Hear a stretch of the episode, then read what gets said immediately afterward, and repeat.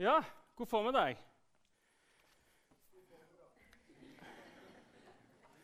Det er bra. Eh, har dere hatt en god morgen?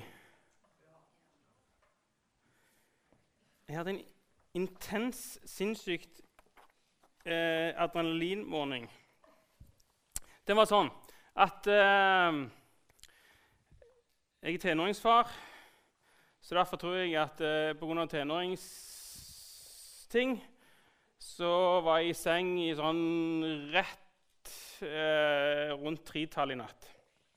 Um, så jeg satte klokka på seks, for jeg skulle tale. Jeg skulle ha god tid å forberede meg.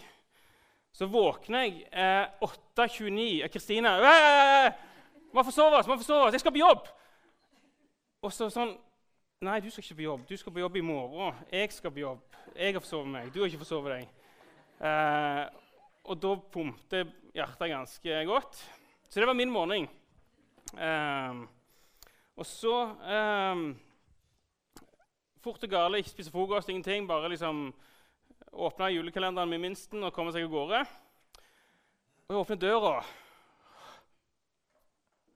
Fytti for et syn. Dere skulle bytte på Klepp. Der er det jo dobbelt så mye snø som der på Bryne. Det er ikke tull. Det var der skikkelig kvitt. Jeg måtte måke, jeg måtte uh, koste bilene, jeg måtte koste for svigermor, så bor nabohuset, og så komme meg her. Uh, Men det var et eller annet med denne her snøen. For jeg har godt lurt på denne talen.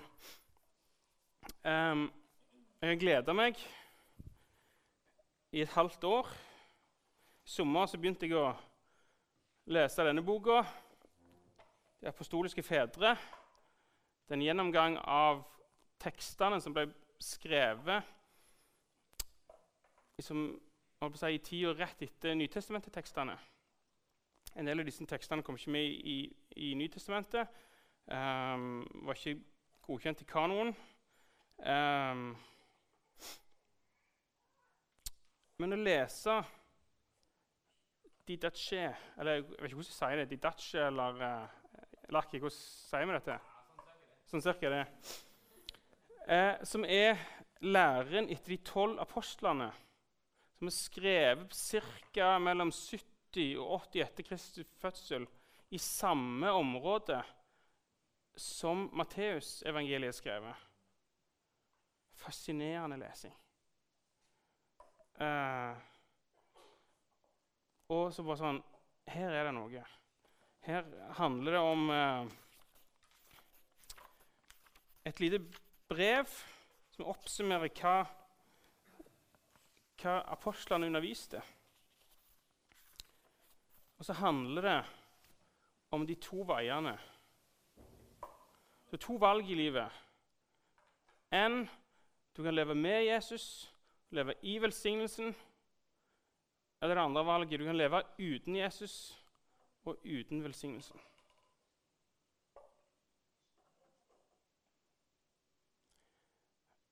Og det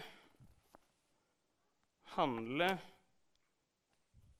bergprekenen om, og der stopper bergprekenen. Så vi skal gå inn i den. Så vi skal gi en liten sånn recap. Det er gjester her i dag, og sikkert ikke alle har vært på alle gudstjenestene. Eh, så først, Jeg heter Magna, da, en av pastorene i lag med Kjersti og med Lucky. Eh, så vi har liksom Vi satt i, i mai og ba, og så spurte Gud hvordan skal det se ut på disse gudstjenestene. Og så begynner Gud å snakke om et år med Jesus. Og så har Kent hatt en, som sitter her nede, som taltinger, hatt en litt sånn skeiv, kommentar på den komiteen. Det skal vi rette opp i dag. Um, og så, um, så, har vi gått gjennom hele høsten bergpreken, Jesus sin tale. Så det er det vi holder på med, og vi, akkurat den talen skal vi slutte av i dag. Litt sånn eh, for de dere som som liker å prøve å tenke tilbake, mimre på hvordan denne høsten har vært, så er Matteusevangeliet skrevet av Matteus en av eh, Jesus' sine disipler. Og det er skrevet til spesielt eh, med tanke på jøder som vokste opp i jødedommen, og som levde Jesus i samtid, og så prøver å forklare dem hvem Jesus var. Eh, og det er liksom en sånn eh, han, det, ser vi fordi han bruker ikke Guds rike, han bruker himmelens rike. En sånn ting. Eh, og så er det en sånn eh, disippelskapsmanual. Hvordan leve med Jesus? Eh, og så, hele Matteusevangeliet er sånn jeg vet ikke, Du skriver bøker, eller hvis du gjør det, eller skriver en, eh, et eller annet eh, oppgave, eller noe sånt, så begynner vi ofte med å skrive hvorfor vi gjør ting. med en innledning, og så skriver vi dette er målsetningen, og så skriver vi, og så konkluderer vi. I jødedommen var det motsatt. Der hadde de eh, i evangeliet så skrev de årsaken i siste setningen. hvorfor de skrev det. Siste setningen i Matteusevangeliet er jo misjonsbefalingen. Så Der kommer årsaken til hvorfor Matteusevangeliet er skrevet. Så Hele Matteusevangeliet er skrevet fordi at du skal lære hvordan du skal utføre misjonsbefalingen. Um, og det du gjør da, da lever du sånn som Matteus sier, eller som han gjenforteller Jesus sa. Så Et par ting som da Matteus var viktig for han å fortelle til de jødene som levde i den tida, var at eh, denne Jesus som kom, som nå har vi sunget en julesang eh, og skal synge flere, handler om at Gud ble menneske, kom til jord, og han kommer nær. Gud med oss. Et ord som er viktig for han, er Immanuel, som betyr Gud med oss. Det er ikke en fjern Gud, det er en Gud som ser deg, som kjenner alle dine tanker, alle dine følelser. Så kommer han fra ut forbi vår verden, inn i stallen, for å være til stede i ditt liv. For å være nær deg, for å se deg eh, og for å frelse deg. En Gud som kommer nær. Så det er viktig for Matteus å vise at Jesus var Messias, kongen, som hadde liksom eh, Som var, så på Davids trone. Så Davids var liksom den store, store kongen i det jødiske folket eh, en del år før Jesus. Eh, og så gikk dette, måte, dette kongehuset, eller dynastiet, falt jo, og de ble slaver i Babylon. Og så var det ikke mer konger på den tronen. Og så er det et løfte om at en dag skal det komme en konge som sitter sitte på Davids trone og regjere til evig tid. Og Det er viktig for Matteus å fortelle at dette er Jesus. Jesus som levde blant dem, som de hadde hørt om, det var Messias som hadde kommet. Og Derfor kan du eh, lese, begynner Matteus med at han har ett kapittel med bare navn og ei ettertavle.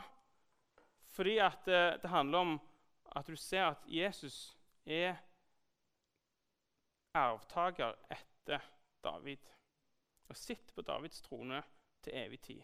Og Alle de første kapitlene i, i Matteus er enormt mange henvisninger til Gamle Testamentet, sånn at de jødene skulle skjønne at Jesus, alt det som skjedde, ble oppfyllelse av gamletestamentlige profetier. Og så En siste ting som er veldig viktig for Matteus, det er å gi Jesus autoritet. Så tenker jødene, Hvor kommer de fra? Hva var identiteten deres? Jo, de hadde en lov, de hadde en historie. og Dette starta og kulminerte og ble stort rundt Moses. Vi har hørt om Moses. sant? Eh, så har vi Mosebøkene, eh, loven Dette var viktig for jødene å holde Moseloven, leve i den. Det var den øverste autoritet. Så når Jesus kom inn, da, så kom han inn i et etablert religiøst system. Og så utfordrer han Moses og sier at han er Guds sønn, er over Moses. Det var knallhardt for jødene å skjønne og akseptere. Derfor er det viktig for Matteus å prøve å beskrive dette. At, Matteus, nei, at Jesus han har en høyere autoritet enn Moses. At han, han ugyldiggjør ikke Moses, men han fornyer loven, han fornyer pakten.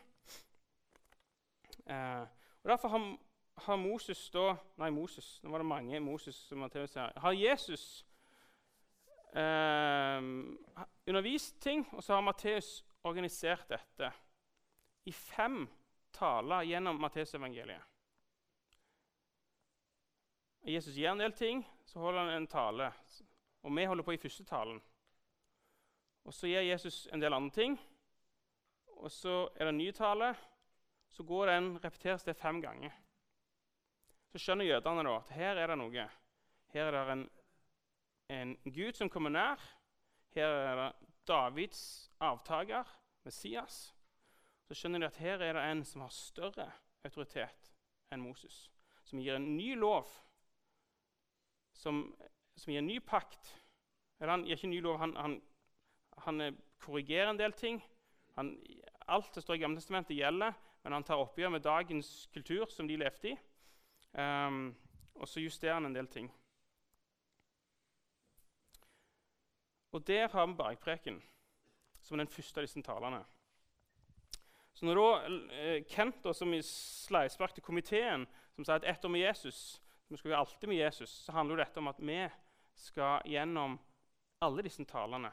Til våren gleder vi oss til å gå inn i, i tall nummer to, og tre, fire og fem. Og så skal vi eh, til våren etter det igjen, ferdig i Matteus, skal vi over i Johannesevangeliet og se på Jesus sine taler før, eh, før påskemåltidet og før han døde. Der er det fire kapittel tettpakka med Jesus sine ord. Det skal heller dette året være. Um, så kan du sitte og tenke um, Nå har vi vært i Bergpreken et halvt år. Jeg er litt sånn spent. Jeg lurer om jeg skal prøve å utfordre dere. Hva sitter du igjen med?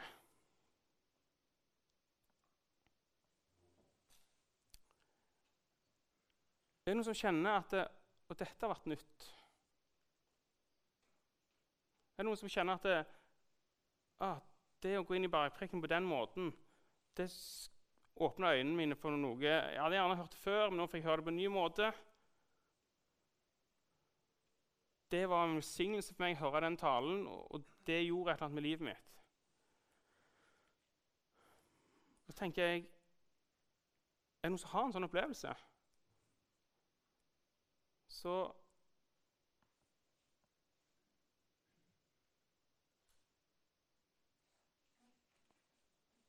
Så jeg har lyst til å høre fra deg.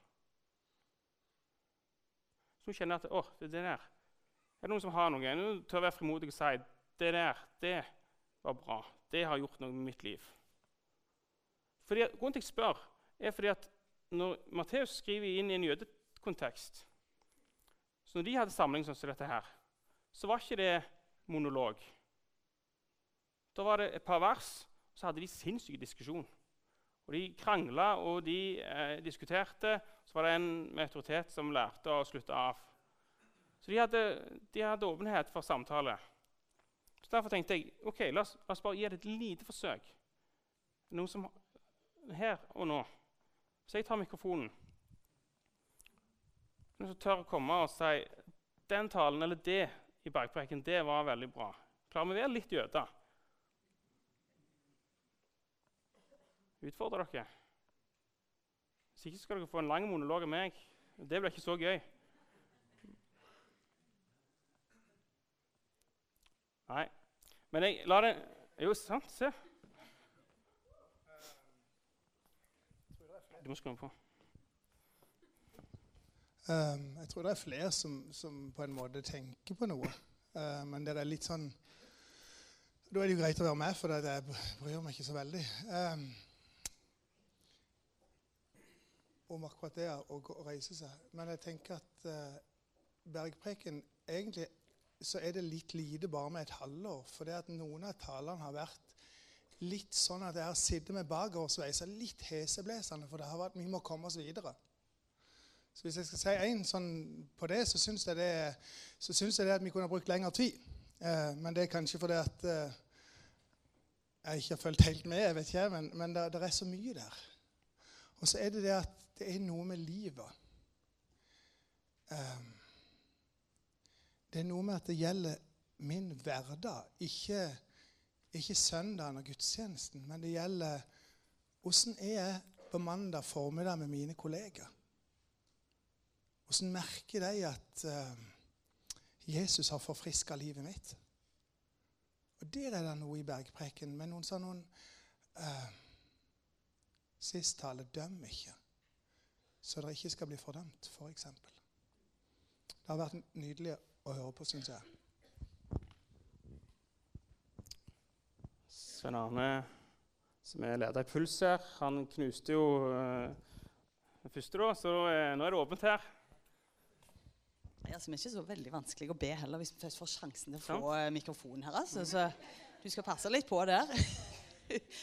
Nei da, jeg, jeg, skal fatte meg i korthet. Jeg har bare eh, Jeg tror noe som slo meg, og som traff meg skikkelig, så jeg bare har lyst til å nevne igjen, er det som står om saltet i verden. Sa, dere er saltet i verden, sier Jesus i den talen.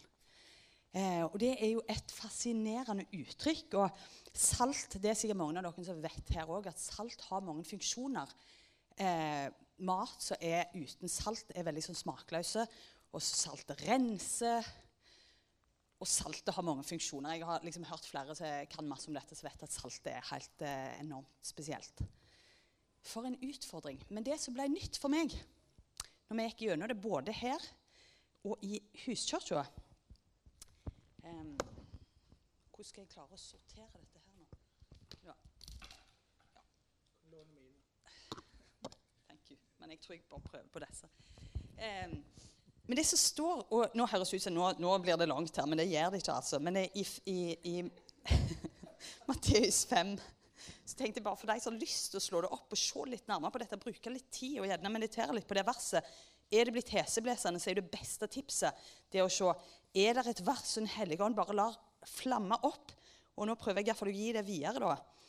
Eh, kapittel 5, vers 13. Det er saltet på jorda. Men mister saltet sin kraft, hvordan skal det da bli gjort til salt igjen? Det duger ikke lenger til noe.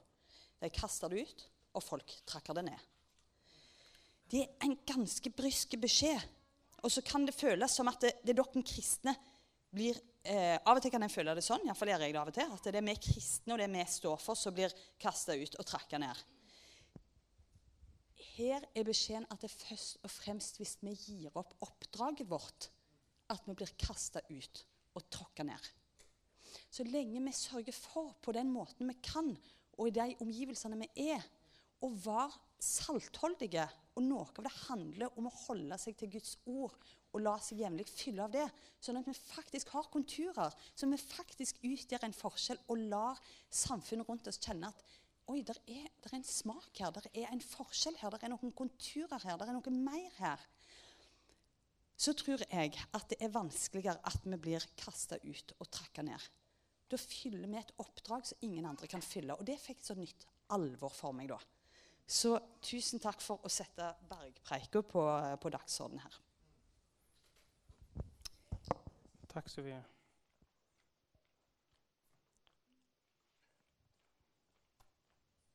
Ja, Av mange gode ting så husker jeg veldig godt hva Kent sa angående uh, dette med at det er fort gjort å tenke sånn uh, Oi, her var det mange ting vi skulle gjøre. Vi får bare prøve, og så får det gå som det går. Men han sa veldig at dette var liksom, det var praktisk. Det var lagd for, for, å holde oss, for, for, at vi skulle klare det. på en måte. Motivasjonen skal være å klare det, ikke bare prøve å klare det. på en måte. Så det var ganske, det stakk meg. Det var veldig bra. Og så snakket han òg i uh, Matteus 5 um, Noe av det mange gode ting han sa, var dette med uh, Dere har sagt Dere har hørt, dere har sagt til fedrene dere, du skal ikke slå i hjel, og den som gjør det, skal komme for domstolen. Uh, men jeg sier dere, den som blir sint på en annen, skal få domstolen. Og så snakket han litt i dybde om hva, dette betydde. da. Så sa han f.eks. om dette med at sinne er en reell ting, og du skal på en måte lære deg å bli sinte på rett ting. Men ofte så blir vi sinte på ting som er feil. Vi blir sinte på feil tidspunkt. Så eh, ja, to av mange ting som har satt seg.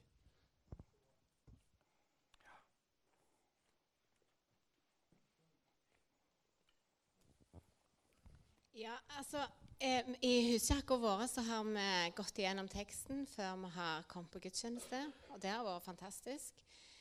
Eh, og jeg, altså Nå vil jo tiden vise om dette forandrer livet mitt. Men jeg kan bare telle jo dette forandrer livet mitt. Altså, Det har jeg tenkt veldig mange ganger i siste tida. Jeg skal ikke leve livet mitt som om det var dette som var viktig. Forstår dere? Og det har jeg nemlig gjort eh, i lang tid. Altså, jeg, jeg, lever denne dagen som at det var denne dagen som var det viktige. Og så kjenner jeg sånn det, det, er slutt. Jeg har tenkt å leve livet mitt som at det var i evigheten som er viktige. Sant? Det er det som kommer seinere. Altså, dette er et steg på veien. Um, men ja, Hilde hadde vært på ekteskapskurs uh, i Oslo i helga. Eh, og fortalt noe veldig inspirerende på det. For det er jo det når vi har oppe disse tingene før gudstjenesten, sant? og får drøst om det og får kjenne liksom, hva er det i mitt liv er så, så, hva, Hvordan er det dette taler til mitt liv? Og så får det synke inn noen dager før en møte her på søndagen. Det har vært fint. Og for meg kan jeg bare si altså, jeg skal leve livet mitt som at evigheten kommer. Yes. Og da skal jeg få lønn. Og så bare en ting til. Jeg vet ikke hvordan jeg skal si det, men jeg, jeg prøver. så får dere, For jeg har jo ikke hatt tid å forberede dette. Men, men OK altså, Gud står den stolte imot. Og det har ringt hos meg eh, de siste ukene. Og jeg har tenkt sånn Jeg har jammen en jobb å gjøre her. Det er, altså, Jeg elsker å skryte av meg sjøl. Og det er andre her òg som kan si seg enig i det. Sant? Det er så deilig når folk får se at det er hva jeg får gjort. Og hvis jeg gjør noe, så skal jeg iallfall sørge for å få sagt det i en sånn mild sånn at jeg kan få litt kred for det. Sant? Altså, dette handler jo om at jeg skal få kred for det av Han som ser, og i evigheten. Og det er sånn jeg skal leve livet mitt.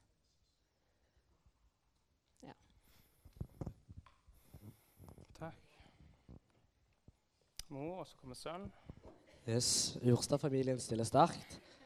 Iallfall eh, eh, Jeg er blitt litt mer sånn oppvåken på det at det er ikke bare Jesus på basar på ungdomslag, liksom. At eh, vi må ha liksom Jesus hver dag i hverdagen. Og det har jeg blitt litt eh, sånn wow. Det var litt sånn Det var litt kult, men litt utfordrende for det. Eh, og så har jeg vært veldig eh, Veldig vanskelig å høre det at jeg må være klar hvis Jesus kommer i dag. For det er litt sånn Oi, shit. Jeg er klar. Jeg er ikke helt klar. Men eh, jeg har lyst til å være klar, så det er jeg mye å jobbe med. Så eh, det, det var bare det. ja.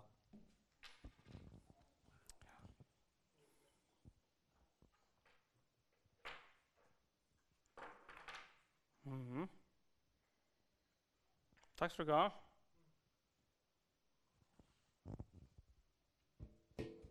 Godt å høre noen perspektiv. Det er sikkert flere. Vi har hatt en høst i Huskirka som har vært helt fantastisk med å samtale om dette. her. Um, så det å gå inn i ordet gir noe med oss. Uh, vi må lese de siste versene i Bergpreken. Um, det skal vi ikke. Vi skal vente. Jeg skal bare gjøre en liten ting. Um, sånn. Før vi leser de siste versene Det var det erket jeg hadde glemt. Så skal bare OK, denne lange tale. Um, jeg henta mobilen min. Så jeg kjørte jobb i dag, så måtte jeg kjøre litt seint fordi at uh, det var snø ute, og jeg hadde brøyta på Klepp. Um, så da var jeg her. Skal dere høre. Så jeg får dette til.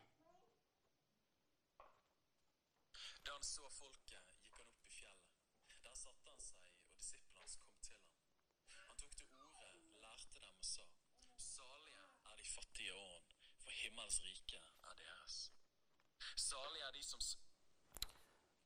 Tolv minutter på telefonen med en bergenser. Så gjennom Bergprekken.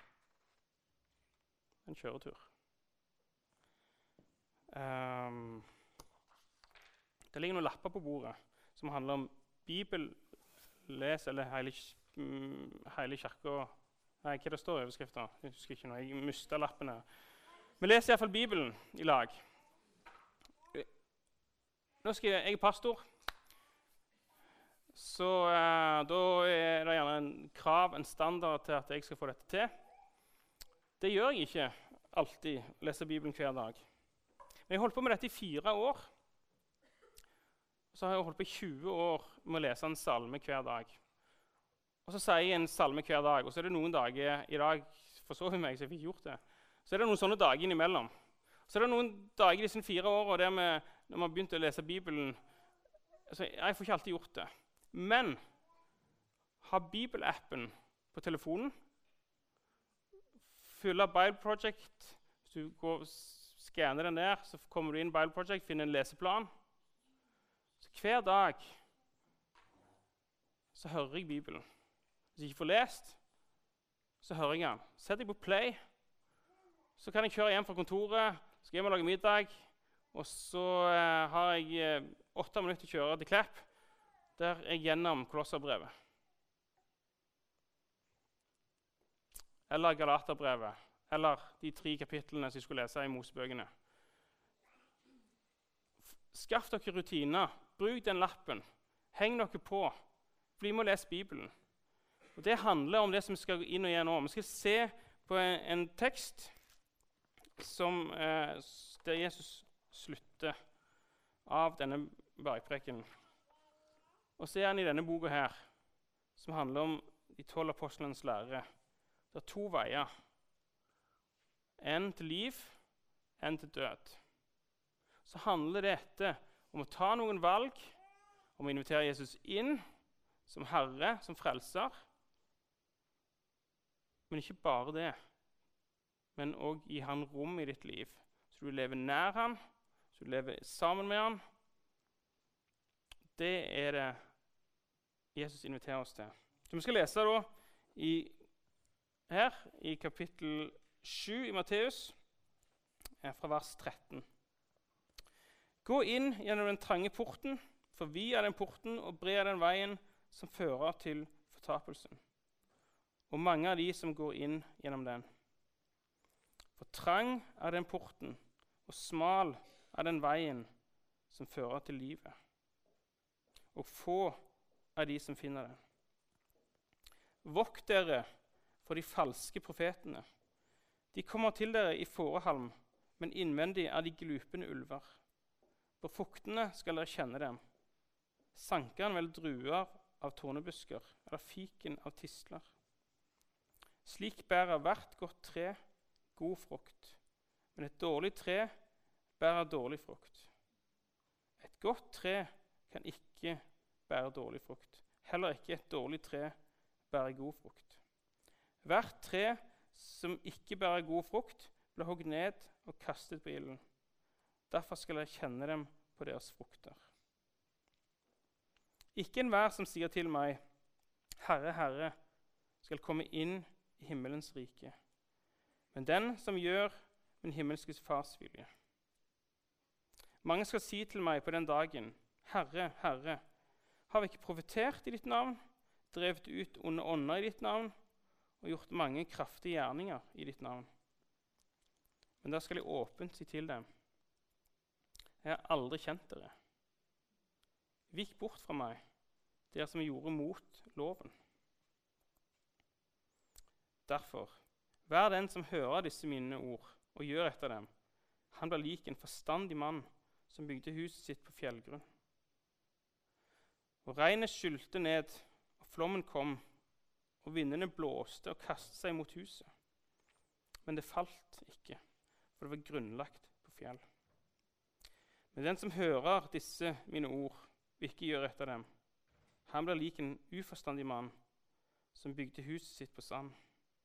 Og regnet skylte ned, og flommen kom, og vindene blåste og kastet seg mot dette huset. Og det falt, og fallet var stort. Det skjedde da Jesus hadde endt denne talen. Da var folket slått med undring over hans lære. For han lærte dem som en som hadde myndighet, og ikke som deres skriftlærde. Jesus, vi takker deg for ditt ord. Takker deg at eh, du ga oss denne talen. Så du, lever du i hjertene våre når vi tror på deg. Så Hellige Ånd, du kommer og viser oss hva disse ord betyr. Det er dine ord, Jesus. Det er din tolkning, din forklaring vi vil ha.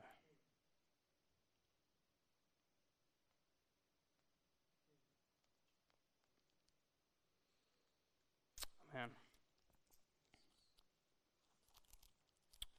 Jeg begynte med å si at jeg våkna opp til litt kaos, kaotisk morgen.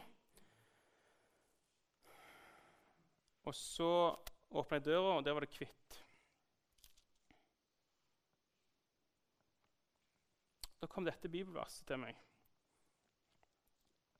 I Isaiah 16, nei, i kapittel 1, vers 16 og litt utover.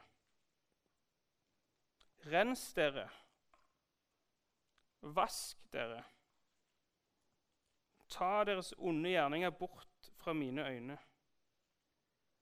Hold opp med å gjøre det som er ondt. Lær å gjøre det gode. Legg vind på det som er rett. Vis voldsmannen på rett vei. Hjelp den farløse til hans rett. Før enkens sak. Kom, la oss gå i rette med hverandre, sier Herren. Om deres synder er som purpur, skal de bli hvite som snø. Om de er røde som skarlagen, skal de bli hvite som ull. Dersom dere er villige å høre, skal dere ete landets gode ting. Men er dere uvillige og, gjest, og gjenstridige, skal dere bli fortært av sverdet, for Herrens munn har talt. Jeg tror at eh, Jesus, når han har, når han har gitt oss bergprekenen, så er ikke noe han kom på av seg sjøl. Han har lest Moses. Han har lest Mosebøkene. Han har lest om hvis du gjør sånn, gjør det gode, kommer det velsignelse. Han har lest om hvis du gjør det onde, så kommer forbannelse. Og så har han levd, og så har han hørt historiene, og så har han erfart at dette stemmer. Um, hvis du velger det gode, hvis du bygger livet ditt på fjell, så vil Gud være der og velsigne deg. Hvis du ikke hører på Jesu ord, blir livet ditt bygd på sand. Stormen kommer. Det kan være huset står lenge. Hele salme, salme 73 handler om et hus som står på sand, som står så lenge, som så stort. Det virker enormt innbydende. Salmisten som skriver, han, han ble misunnelig på disse sandhusene. Helt til han går inn i tempelet og så sier han, tenkte de på hvordan går det til slutt. Da faller huset. Så når vi snakker om hus på fjell eller på sand, så handler ikke det om nødvendigvis om velstand, økonomi og god jobb. Ikke problem med å betale strømregningen. Um, slippe å stå i matkø. Eller uh, født i Norge, født i Afrika. Det er ikke det det handler om. Uansett hva du er født inn i, så kan du velge å bygge huset ditt på fjell, eller du kan velge å bygge huset ditt på sand.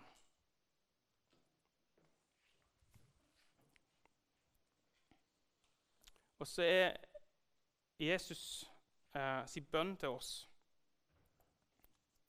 er at han sier um, nå, uh, Han sier dette Gå gjennom den trange port. Han oppfordrer oss til å gå gjennom den trange port. Og så kommer det for bred er den veien som fører til fortapelse. Så han vet dette. Han vet at hvis du ikke velger den trange port, så konsekvensen at ditt liv styres mot fortapelse. Ødeleggelse. Og så er det den, Vi er den veien som fører til fortapelse. Og mange er de som går på den. For meg er det en sånn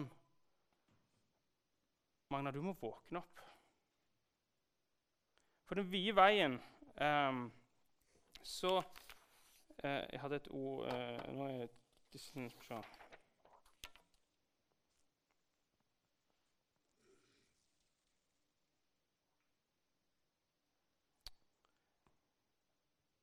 På gresk den vide veien det er et liv uten grense. Et liv med frihet til alt. Men denne friheten, den, det er alltid lov. Der, der er ubegrenset, det, liksom, det handler om seg makt. Det handler om å karre til seg penger. Det handler om, om å leve ut begjær. Alle disse tingene vil gå ut over noen andre, og det vil ødelegge verden. Eh, hvis vi lever sånn, så sier Jesus da går det i fortapelse. Da går det i Fortapelsen, det ord som er brukt, er eh, Hva var det? Eh, eh, apoliein på gresk, som betyr evig ruin. Hvis du velger å ikke følge Jesus og leve av bergprekenen, så går livet ditt bygd på sand. Eh, og det går mot en evig ruin. Men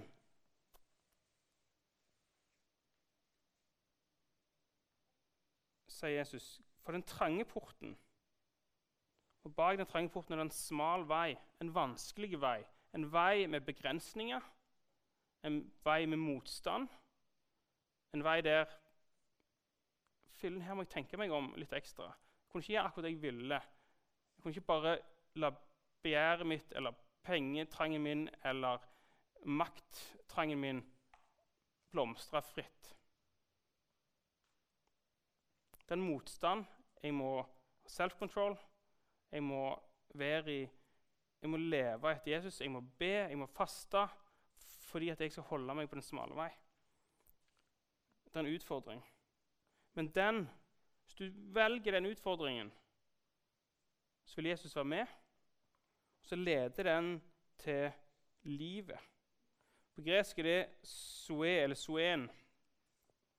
Um, og det beskriver liv nå i det fysiske, her og nå. Det er liv her. Og det er et fremtidig, åndelig liv utover døden.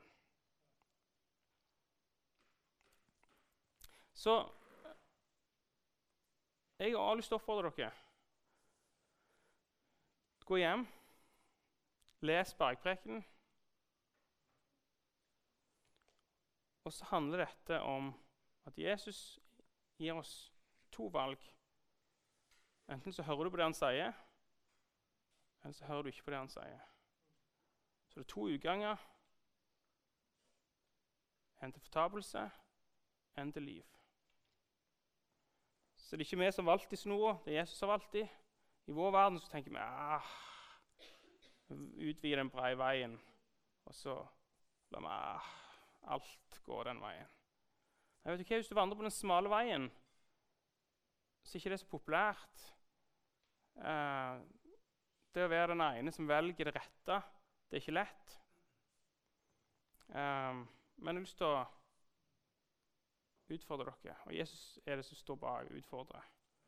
Velg den trange port. Velg den smale vei. Bygg huset ditt på fjell. Så er det løfte om liv, om løfte om velsignelse.